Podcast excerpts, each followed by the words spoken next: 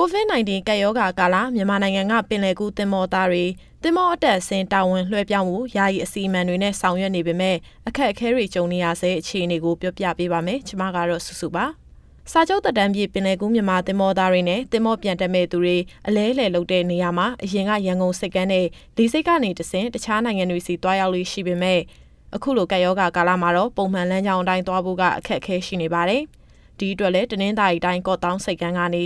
မြမပင်လယ်ပြင်တွင်တင်မောသားတွေအလဲလှယ်လုံနိုင်မှုအတွက်တာဝန်ရှိသူတွေကစီစဉ်ပေးနေပါတယ်။ကယောဂါကာလကန့်သက်ချက်တွေရှိနေတာကြောင့်အခက်အခဲတွေရှိနေဆဲဖြစ်တယ်လို့ကပတိန်ဦးဝင်းနိုင်ညွန့်က VOA ကိုပြောပါတယ်။အခု quarantine facility မရှိလို့ဆိုပြီးတော့ quarantine facility ရှိတဲ့အခါမှသာလျှင်သမောကနေပြီးတော့ crew change လုပ်လို့ရပါမယ်ဆိုပြီးတော့အမိန့်စာထုတ်လိုက်တယ်။ Department of Marine Administration က DMA ကပေါ့။အော်အဲ့ဒါကအခုတော်တော်တော်တော်လေးကိုကြရက်ထားရတယ်ပေါ့နော်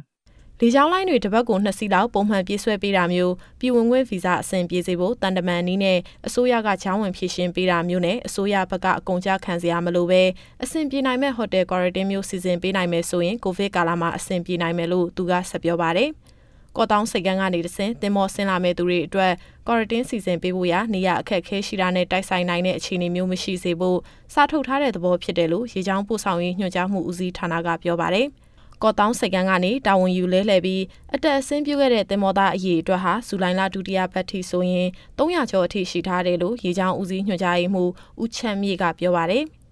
အဲ့ဒီနေရာမှာဒီသမောသားတွေနေရာရရှိရေးအတွက်ကျွန်တော်ဒီ MSC SS အဖွဲ့ကလည်းတွားပြီးညှိနေရလေးရှိပါတယ်အဲ့တော့အဲ့ဒီမှာတို့ကျမ်းမာရေးကပါပါတယ်စိတ်ကန်းပါပါတယ်နောက်တစ်ခါရေချောင်းကပါပါတယ်နောက်ဟိုတယ်ပိုင်ရှင်တွေလည်းပါပါတယ်ပေါ့နော်အဲ့တော့လောဆယ်သမောသားပေါင်း290လောက်ထိဆောင်ရွက်ပေးနိုင်မယ်လို့အနေထားမျိုးတော့အကြမ်းမြင်ကြားထားရပါတယ်